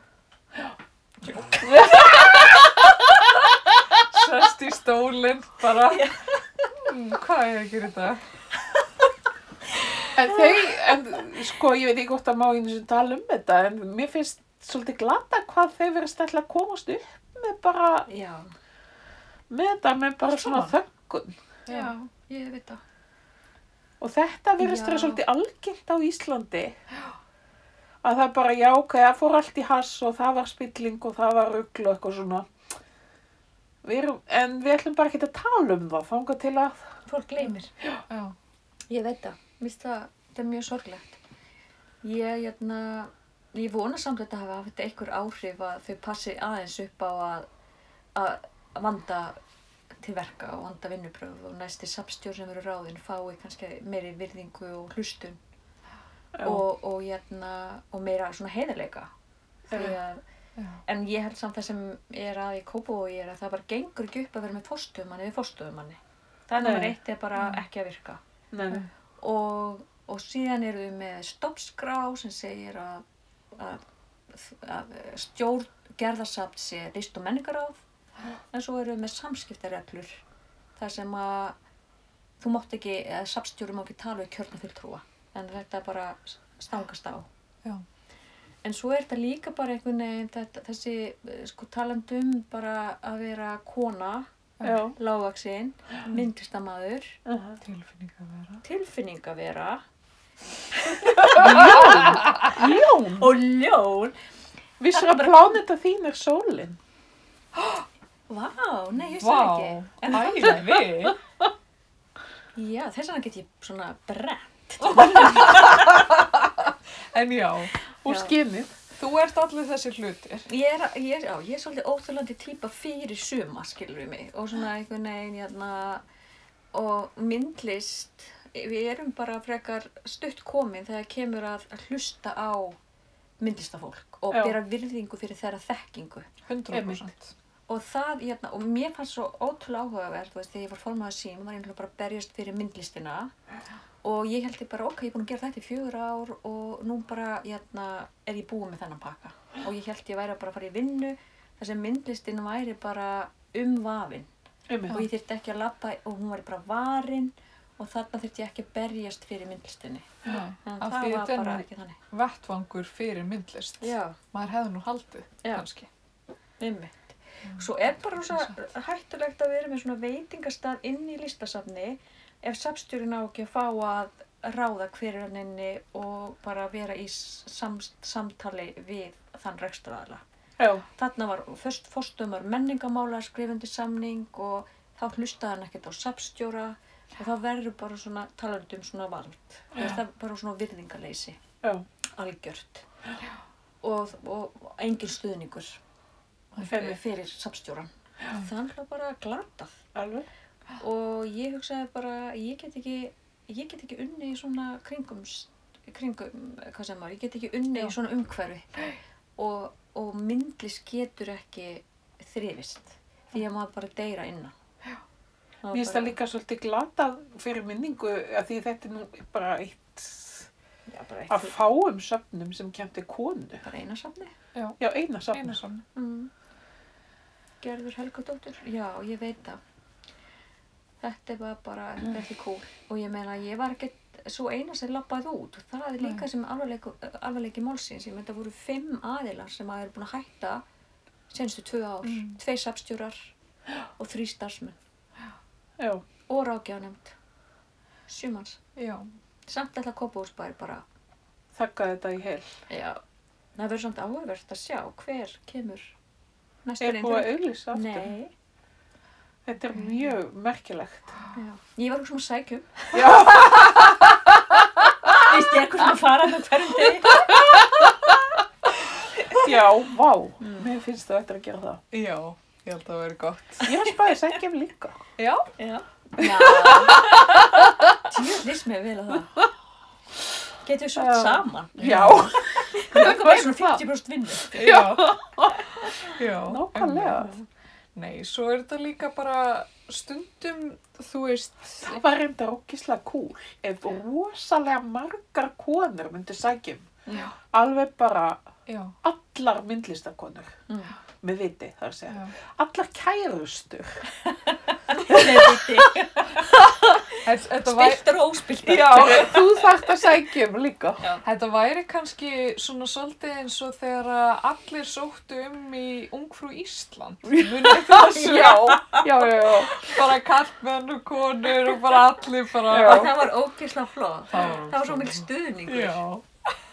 Ég er samt ótrúlega þakklátt fyrir stuðningin sem að mér fannst ég fá og bara myndlist að senan fannst mér standa á bakvið Algjörlega. og, hérna, og þetta hefur alveg haft áhrif að þú veist, það eru fleiri glerugu á Kópavóðsbæ þeir komast Algjörlega. ekkert alveg upp með hvað sem er hér eftir Nei, enga þeim.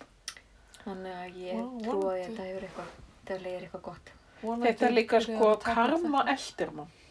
Já, Þannig að þú veist, það skiptir karma með sjarma Nei, þú- sko, það er bara Já. þannig að, þú veist, nú er hugsa fólk bara rosalega slant karman í kópófi. Já, Og eh, þegar, ég meina, ég man einhvern tímann auðlisti eftir hjólinu mínu, því hafi verið stólið ok og ég skrifaði undir karma police. Mjög gott Hérðu, hver aldrei hafi hringt í mig? Skotland Jard, fann hjólið mitt. Gekja Við erum að tala um karma. Ég er nefnilega trú á karma Já, Ah, Sérstaklega, já, einmitt Ég er búin að lesa bókina Þarma með sjarma Það er bara nákvæmlega sama þú ert að lesa mjög áhugaverða bækur. Ég heila að það er all flóran þarna. Já, maður reynir að vera vissi. ég var nú líka að lesa bókina hérna, hennar Evu, hvað veit ég, hérna, sem kom út fyrir jólin, Ah, hérna, um hjúkur, hjúkurunarkonuna, ljósmóðurina, hérna, Auði Evu. Auðvitað öfu. Auð, já, Auði Evu. Já, Hvað? þetta er Íslands, nei, Hvað heitir bókin hennar? Er bara dott, nú ég er orðin bara ós... dýralíf. Já, dýralíf. Já, já, ég á eftir að lesa hana. Er ekki múlið sann, ok, ég mæli með henni. Það ætla ekki að tala um hana, hún er mjög góð. Ok. Það er eitthvað svona, það var líka áhugavert hugsandi um valdið og lesa þá bók. Já. Já. Já, Þetta við ættum voru kannski lesa. að klára þessi jarðabera. Já, hérna. já. Það eru þrjú eftir. Eitt á mann. Við tölum bara svo mikið. En talandi um karma, nú þetta mér alltaf inn í hug. Finnst ykkur karma ekki vera svolítið ríkjandi í midsommar hjá Barnaby? Það er, s- þú veist, rosa sjaldan sem að fólk gerir slæma hluti en kemst upp með það. Já. Já, nokkulega. Það er rosa og jafnvel að þú bara hugsa slæma hluti þá fyrir magli málugur. Já, Skilur þau? Já, þess vegna fíla ég svo þætti. Já. ég var einmitt að horfa á Barnaby um helgina. Ok, hvað þátt? Hvað hétt hann? Ó, þetta var sem sagt gamli Ok. og hérna, þetta var, hérna, býtti nú við, ó, þetta var, já, Midsummer Life, Já. heitir hann, Ok. úr 11. seríu. Ok. og sko hann er búinn til 2008 en það er eins og hann sé miklu, miklu eldri hann klikkað 90s eitthvað Já, það eru svona 90s vibes, svona alltaf með gamla. já og hérna það fjallar um þú veist einhver sem var í fangelsi og fyr, var sem sagt settur í fangelsi fyrir eh, saklaus Var hann tvíburi? nei, Nei. það var ekki sá þáttur Ok, það er ekki svo. En hérna, og svo sem sagt er, kemur í ljós að morðingin er blaðakona Hmm, Ok. á Midsommar Life. Og þú veist, hún er svo heartless. Ok. Það er rosalegt af því að þú veist, hún drepur í raunni hérna rittstjóran sem að hún er samt einhvern veginn búin að vera í tíum við Ok. af því hann veit eitthvað um þetta Ok. að hún hafi sem sagt freymað einhvern saklusan mann Hún verður paranótt. Þannig Já. að þú veist, Þetta er þetta er alveg fjögur að morða þáttur Ok. sem er alveg Já, svolítið ok. svakald. Reyndar fyrsta morði var ekki morð, heldur maður fyrir kjarta áfall. Ok. En, Það kom nú ekki til ljós fyrir en eftir á. Ok. Það en þetta er rosalega góri þáttur líka. Ok. Mafkar og Ah, að líkinu og svona. ok. Ég maður með svo þetta. Er einhver svona eftirminnilegur barnabíð þáttur sem þú mannst eftir eða er þetta allt bara svona í belg og byðu Já, bara svolítið. Já, hjá þér? ég hefði átt að kannski að rifja upp áður en ég kom inga. Nei, nei, við svo sem báðum við ekkert um það. Nei, ég hefði samt átt að gera það kannski þegar ég komið mér ótrúlega stert. Uh, nei, því miður. Ég get ekki eitthvað, nefnt eitthvað, eitthvað eitt þátt. Nei, við Það gætum, rennur svolítið saman hjá mér. gætum kannski talað um sko listamenn í Barnaby, bara Já. svona, af því mér er svolítið langt þess- síðan við tölum um Barnaby. Já, Þó- og listamenn í Barnaby, það er alltaf ógeðslega fyrir. Það er geðveikt fyndið. Þeir Þeir eru eru alltaf, Rosalega svona tilfinningarsamir. Já. alltaf með hárið út um allt. Já, Já. svolítið. Þú Svona veist, er, bóhem. akkur er þeim með svona vel grimmdar til dæmis, er það eðlilegt?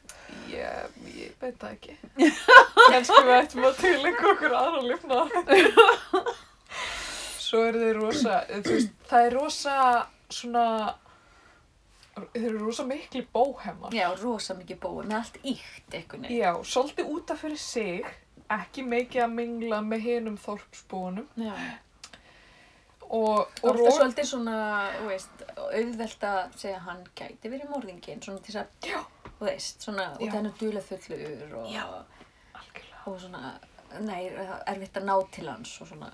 Já, en þeir eru satt sjaldan morgun. Þeir eru aldrei sko, Eiginlega en þeir aldrei, eru svolítið samt svona að annað fólk heldur að kannski, Já. smástund, að þeir gætu verið að vita eitthvað. Já. eða- einmitt, já. En það er- Dúbíus karakterar. Já, Já, svolítið. dúbjus karakterar. En, en eins og við vitum í Barnaby þá eru það mjög sjaldan dúbjus karakterarnir sem eru á endanum morðingjarnir. Það er Já. einhver sem leynir á sér alltaf, einhver sem þykist vera góður Já, sem er svo á endanum slæmur. Þannig að ég Heyrðu, það var eitt sem að fekk alveg makleg málugjöld þarna eins og þetta sem ég sá. Hann var ekki listamæður. Hann var svona þessi gaur sem hefði verið í fangelsi okay. svona lengi. Mhm. Og þeir voru ekkert að finna líkið hans. Hmm. Nefna, hver heldur að finni fyrir líkið hans? Frú Barnaby þetta, Joyce, Ah, hún fer að kaupa kól eins og maður gerir Auðvitað. út, út í skó Já, ég man eftir þess að og þar er garðirkjumadurinn, duðlega fyllir garðirkjumadurinn að sjálfsögðu Já. Maður getur líka verið hann. og, Það er sannleika fróðin. og hann sem sagt er með kólapoka og hún kíkir í eitt kólapokan, hvað heldur að sjáu? Lík. Lík, Hauskúpu, já.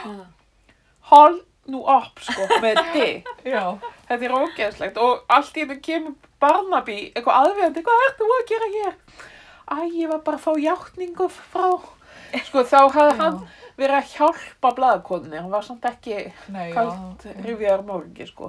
Emmett, já, ég man eftir þessari senu.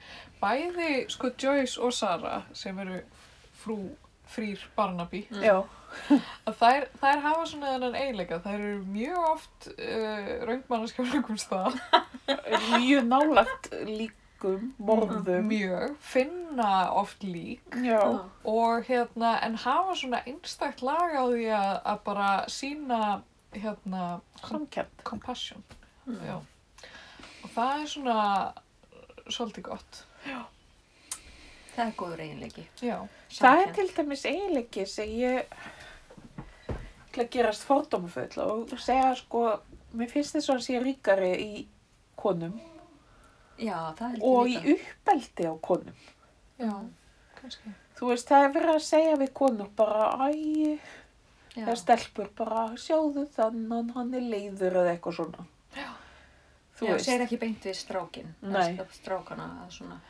Já, ég er samt svolítið svona upptekin að að kenna samkjönd uh, sinni mínum já, og hann þú veist, geti einhvern veginn sagt, þú veist, tekið utan um vini sína og sínt tilfinningar og ekki bara við dóttir mína eða, Já. og ég held sko, ég held að það sé- bara skiptir rosa miklu máli. algjörlega, ég held að það sé krúsjál. Já, því Mm. að hvernig eiga þeir að geta fundið til með öðrum en maður kenna, þú veist, maður þarf svolítið að kenna þetta. Algjörlega. og ekki vera alltaf bara, hertu bara, hertu bara harður og Já. veist, það var alltaf þannig, þú veist, að ala upp hérna í gamla dag, Nei. Einmitt. þú veist, strákar áttu bara að vera harðir og ekki sína samkend og bara vaða áfram Einmitt. þess vegna fenguðu líka öll völd því að bara Það er líka bara, já, mér er svona áhugavert að þeir sem að enda í svona einhverja stjórnunastöðu eða valdastöðu, það var sagt bara, það var eiginlega rosa hátt tala. hérna. Og eru síðblindir. sem eru sittlindir, já. Já, átt- já 70%. Við komumst ekki til það. Nei, eigum við eitthvað svona siðblind effekt? Kanski svona. Nei, kannski ekki alveg þetta. Já, kannski bara svona. Já, Svolítið siðblend.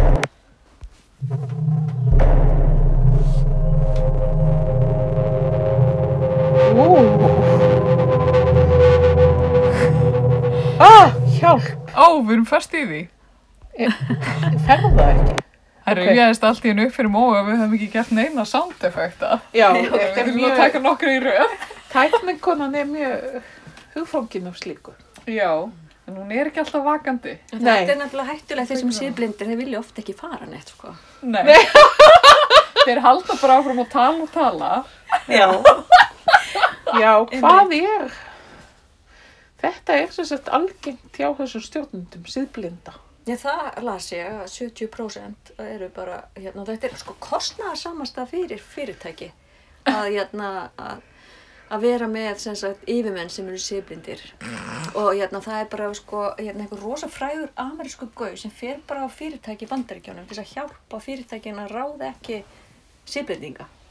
Því að þegar þú Já. ert búin að ráða síðblinding, þá ert þú bara í vondum málum. Ég þá Þú ekki við hann. losnar ekkert við það. Nei. Þetta er bara eins og pláan eða eitthvað. Já, eins og En- effektin alltaf. Já. Heyrðu Móa, ég let þið nú hlusta á podcastin um hann að, ah, hvað heitir hún? Oh The my Dropout. god, það er magnað. Hvað heitir hún? The Kona? Nei. Dropout. Ég þarf að hlusta á það. Elizabeth, héttu það? Jú, hétt hún ekki Elizabeth. Þetta er hérna bandarískona sem að hérna var svona rosa, átt að vera svona næst í Steve Jobs. Hefur ekki heyrt um þetta? Jú, jú, jú, Hún jú. talaði um með svona rosalega djúbri og samfærandi rödd Já, og var búin að fara á námskeið og læra að tala svona. Þetta er karlmennskan aftur. já, já. Veist- Orkan, Karl Orkan. Karl Orkan voru alltaf í svona Steve Jobs, einmitt svona eins og þú. Já, svona svona. Ú, já. Einmitt svona. Þetta er nýja lúkið mitt. Ég var að... Er aðtúrlis og er að leita mér að vinna. Þetta er svona power dressu, Já. sko.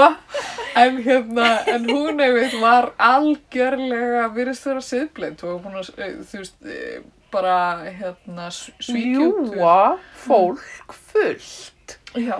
í bara mörg ár. Og bara ljú út og fólki fullt af peningum. Já, þetta er hræðilegt. Já. Þannig að það var svolítið magna. En hvað segir mér, hvar varst þú 30. ágúst 1997? Bittas. Þetta er, ég, ég held að þetta sé segvið hennar mói. Þínu hopni. Hvar varst þú þegar að þú fréttir að Díana prinsessa var í dag? Heyrðu, ég... Ymmit. Ég á- ætti að muna þetta. Var það ég tók 30., þetta eða 31.? ótrúlega nærri mér. Hérna, ég held að ég hafi bara verið upp í sófa. og Borðað popp. Á Norrlandi eða Suðurlandi eða? um, í Suðurlandi og hérna, ég var bara nei, ég trús ekki ég er nefnilega svona aðdáandi Ok. Ok. mér er svona hérna, ótrúlega flott og ég er búin að horfa á alla myndir á Netflix og hérna, með sýningin æðisleg sem þið voru með um minningu díunu og ég bara tjöðlina, hvað fekk ég ekki að vera með í þessari sýningu Með? já, ég, það hefði verið geggja gaman kannski næst, ef Já. ég hafi svona, veist Já, það verður Framhald. kannski, það verður kannski, þú veist, uh, á þrítugstánaramalinu, já, þá kannski höfum við follow-up síningu. já, Verður þú að það aftur í Sundból? Já, það er spurning. Fyrst og eini gjörningu sem ég hef verið í, þá var ég auðvitað á svi, sviði fyrir fram á fólk á sundbólnum uh, Já. Mm. að þykist verið díjan. Svo hef ég heyrt. En já, hvað segir þú? Já. varst aðdóðandi. Já, ég var aðdáðandi og ég man að ég tók þetta mjög nærri mér og ég var að horfa mjög mikið á fréttir. Ég man að þetta var, hérna, ég man að ég horfa á fréttir og þetta var eitthvað svona, þetta var svo sorglegt. Já. Og ég, Ofsalega sorglegt. já, ég táraðist. Ég tók þetta bara nærri mér. Ég meina, maður var líka búin að vera að fylgja svo mikið með henni og maður fannst hún óslega Mm. sæt og hún átti óslega krútlega sinni og, og hún var alltaf svo góð við börn góð fyrirmynd og, og svona en maður samt áhugavert, maður fattar ekki alveg samt sko, hvað lífina var mikið fangelsi þess að maður fattar ekki sjálfur því maður var sjálfur svo sjúkur í að sjá myndir af henni einmitt. og Já. kannski partur af vandamálinu sjálfur. ég held það um, en já, þetta er góð spurning já, ég held samt að ég hef bara verið upp í sófa að borða popp og grátandi og eitthvað með vasa klút og bara Mm. breytti nafninu mínu í tvo daga í Diana og svona Ég held líka að hérna, samband Díanu prinsessu við vald hafi verið mjög flókið. já, það held ég líka Getum talað um það. Já, en sko einmitt. Hvor, hvort hún hafði það raunverulega eða ekki. mm. Mér finnst þess að hún hafi einhvern veginn ald- aldrei, hún hafi alltaf verið fórnarlamp val- valds í rauninni. Já, einmitt, en það er samt, hún var ótrúlega hugrökk samt þegar hún Já. skildi og labbaði út og sagði frá og Já, reyndar. Það Og- skilaði skömminni. skilaði skömminni, þannig að, hérna, jæna, um, já, líf mitt er bara svolítið eins og dýra. Þú tengir svolítið við hana, heyri ég. Eins og við allan, Það er held við ég. alla. Já, nei, já, ég ætla, ég var að tjóka. Nei, ég, nei, ég held að það getur bara allir lært mjög mikið af Já. Díanu prinsessu. Já, ég held það líka, út af því að, jæna, hún var bara ógeðslega cool og Já. geggja hugrökk og mér var svolítið, þú veist, hún sneri valdinu svolítið yfir til sín. Já. Já, og hérna, letur svolítið heyra þessa fjölmiðla og en samt, þetta er bara ótrúlega erfitt þetta var svo crazy bara alltaf þúsund manns eldana Já. en er, eftir að þið horfið á Netflix þættina núna Já. voru ekkert pyrruð út í konungsfjölskeldina jú, alveg. Sko, já, en ég hef bara lengi verið, eða þú veist, við erum ekki drójalista, sko. Nei, ég var ógeðslega pyrruð, sérstaklega eftir þættina, Mm. að The Crown. Já, Þá var ég mjög pyrruð út í hann Charles ég líka og aðalega sko fyrst var ég, ég var komin með einhverja smá samúð með honum að því að minnst leikarinn svo næs. Ég veit ekki um það alveg. Og alveg sætur. og sætur og og hann einhvern veginn gerði þetta svo vel og Já. eitthvað en svo var ég farin að hata hann alveg þannig Já. og það er aftur leikarinn sko mm. Svo náttúrulega Ísu valdi og veist, hann verður öfunnsjúkur því hún fær svo mikil aðtilli Já. og hann meikaði það ekki og jæna, það er líka oft að það sé valdabaróta að þú- þú ert með tvo einstaklinga og báðir eru mjög klárir en, en annar vill vera með sviðsljósi og miðpunkturinn og veist, hún vildi það ekkert Nei. hann vildi það svo mikið Já, og hann Það- var, hann var líka alin upp til að halda að hann væri stjarn já, einmitt Einmitt. og svo þegar hann var það ekki lengur þá bara vissi hann ekki hver hann var Nei, líka. já, og það Það er er það mikil- ógæslega sár Mikil missur. já, já, þá, þá upplifir hann svona missi einhvers konar já, Já. sorg Já. að hann bara allt í einu, nú býtu halló átti ég ekki að vera hérna já, Já. í ljósinu já og Hún ég bara, átti bara að sorry, vera út með til stór hliðar. eyru Það var bara ekki jafn sætur og hún. Já, ég, ég sko hef aldrei verið, ég hef talað um þetta aður, en ég hef aldrei verið Team Charles, en þú veist, mér varst þetta að gera kannski þrýviða- þrýviðari manneski úr honum, uh, þáttaræðarnar, sko, já, heldur en ég hef áður gefið honum kredit fyrir. en sko, já, ég er sammála en það sem að mér finnst mest kannski ókúl er þessi viðbröð frá royalistum konungsjölskyldunni við krán sem er að segja já, sko, þetta er ekki alveg sagfræði og Já. eitthvað svoleiðis Já, það er svolítið svona kópavogur. já, af því að þú veist, nánast allt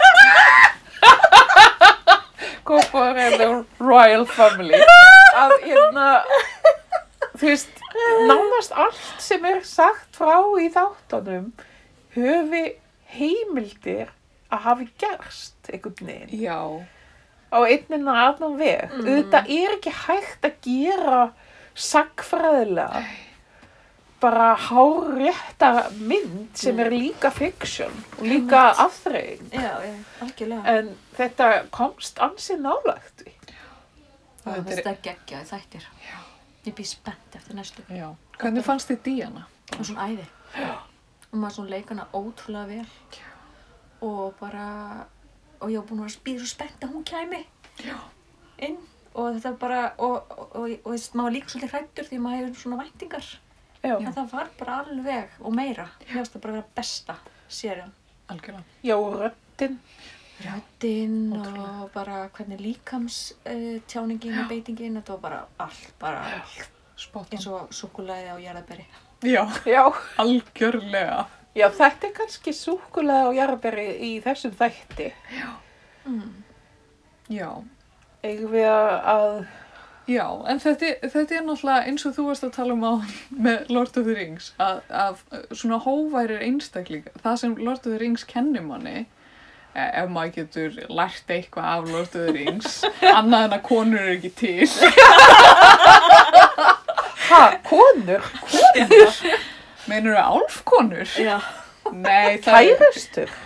stum Nei, að, að hérna að hóværu fólki sem vill ekki hafa allt valdið er mest treystandi fyrir valdinu er það ekki? Ah, já, jú Er það ekki? þú komst með leikilinn, Já öðló, En þetta er svona svolítið catch 22. algjörlega. Það er ekki hægt. Það er ekki hægt. Það er bara annarkort sem flyttingar. Eða fólk sem vill ekki vinna. þetta er vonlust Og þetta er hættur. vonlust dæmi En það, eins og var sagt í hérna Freaks and Geeks, sem ég vona því að ég séð Mm, þáttanum. og er ekki að tengja núna Life is not black and white, já, no, no, no ok, it's grey. ok. Þú er bara verið að læra in the 90s. Ó já. í Sjónvarpinu. Allt sem ég hef lært, allt sem ég hef lært er komið úr sjónvarpinu. Þetta er taglínan fyrir næsta þátt. Já. Frú Barnaby. En já, þurfum við ekki að fara að kveðja? Jú, Jú. við ætlum að enda þetta á lægi sem að Jónarlíf bað sérstaklega um og þetta er, þetta er lag sem hún hlustar alltaf á áður en hún fer í viðtöl eða, eða heldur ræður. það er ekki Jónar. jú, jú, jú Er þetta bara ekki? kemur mér í gýrin og Já. hérna mæli með þessu fyrir Og alla okkur líka reyndar. Og hvaða lag er þetta? Þetta er eh, lag hérna úr uh, töfraflautunni eftir Mozart og heitir Næturudrókningin. Ó, Eina sem að bara, eina vitið árum að fer upp á svið og heldur ræðu. Það er að taka eina næturdrókninguna. og Takk fari, fyrir mig. og fari í pels. Og fara í pæls með rauðan varalitt. Og drekka kappavín og borra jarðber við súkulæði. Það bustar fyrst svona reiki á augsnum. Uh, takk kærlega fyrir komuna. Takk fyrir að bjóða mig. Það var rosa gaman. Þetta Ég er er búin að hlæja svo mikið. dásamlega. Já, yndislegt. Ég eftir að vakna á morgun með haspurur og það var ekkert að jóka. Það er bara því ég er búin að hlæja svo mikið.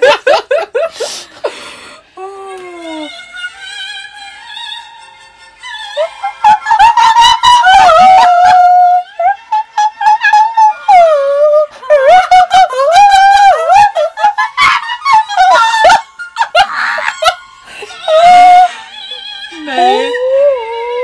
Það er sko ekki ráðist á garðum þar sem var lagstur.